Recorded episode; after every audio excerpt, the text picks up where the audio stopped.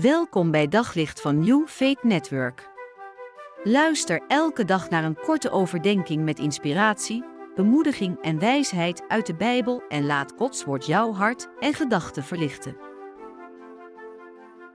In mijn werk hoor en zie ik heel veel schrijnende situaties. Zo het verhaal van Nathaniel, een eh, jongen die opgroeit in de sloppenwijk van Nairobi. Een jongen die niks heeft en op een gegeven moment zich zo financiële zorgen maakt, hij en zijn vrouw, dat hij naar de pastor gaat in het, in het dorp of in de stad. En ehm, de pastor vraagt om hulp. Ehm, hij zit met zijn handen in het haar, want ze weten niet meer hoe ze moeten leven. Een schrijnende situatie van armoede. En het is veel complexer dan alleen het feit dat ze geen geld hebben. En dat is een probleem in onze wereld waar we allemaal wat mee moeten. Niet alleen iets individueels van een individuele situatie, zoals hier bij Nathaniel en zijn vrouw, maar iets, een maatschappelijk probleem, een wereldwijd probleem waar wij ehm, mee geconfronteerd worden.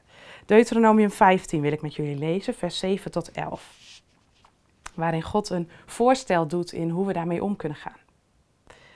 Zou er in een van de steden in het land dat de Heer uw God u zal geven, toch iemand uit uw eigen volk gebrek lijden, dan mag u dat niet koud laten. U mag uw hand niet op de zak houden, maar u moet diep in de buidel tasten en hem lenen zoveel als hij nodig heeft.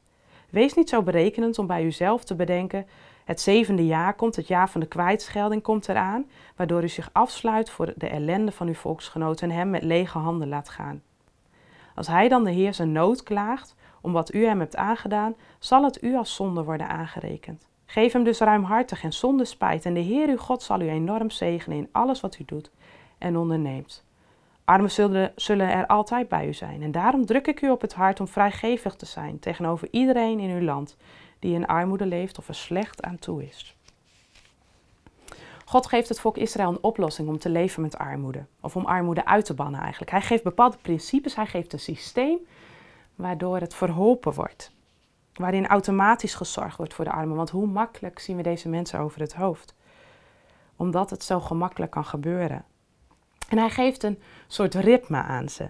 Elk jaar moeten ze een deel afstaan voor de Heer en voor uh, dat wat ze gekregen hebben. En elk zevende jaar is een sabbatsjaar, zoals het heet. En dan worden alle schulden kwijtgescholden. En dan elk vijftigste jaar is een jubeljaar. Een jaar waarin het land opnieuw verdeeld werd.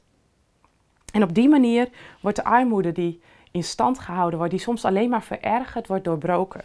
Een visueuze cirkel wordt doorbroken. Om te zorgen dat alles eerlijk verdeeld is en om te zorgen dat mensen een nieuwe kans krijgen.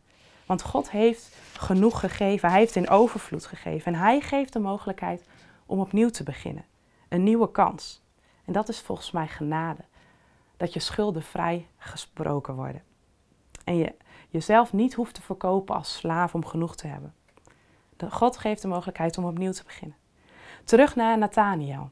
De pastor waarbij hij aanklopt, die vraagt of hij een zelfhulpgroep wil beginnen. En dat doen ze uiteindelijk. En ze hebben niet eens genoeg stoelen om op te zitten, dus ze zitten op omgekeerde emmers. En die zelfhulpgroep, met elkaar denken ze na over hoe ze in hun situatie, met het weinige wat ze hebben, weer voor zichzelf kunnen gaan zorgen. En dan blijkt, hij was geraakt door de Bijbelstudie. Um, die de pastor die hem uitdaagde om een, een, agent of change te zijn, zoals ze dat noemen. En inmiddels is hij aan de slag en heeft God echt iets gedaan in zijn leven. Is hij hoofd van een school en is hij volledig uit die situatie waar hij in zat. Twaalf jaar later, hoofdonderwijs van een school, terwijl hij opgroeide in de sloppenwijken van Nairobi. Dat is wat er kan gebeuren.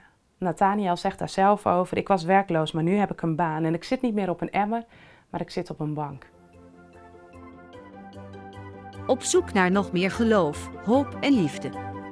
Op New Faith Network vind je honderden christelijke films, series en programma's. Nog geen lid? Probeer het 14 dagen gratis op newfaithnetwork.nl.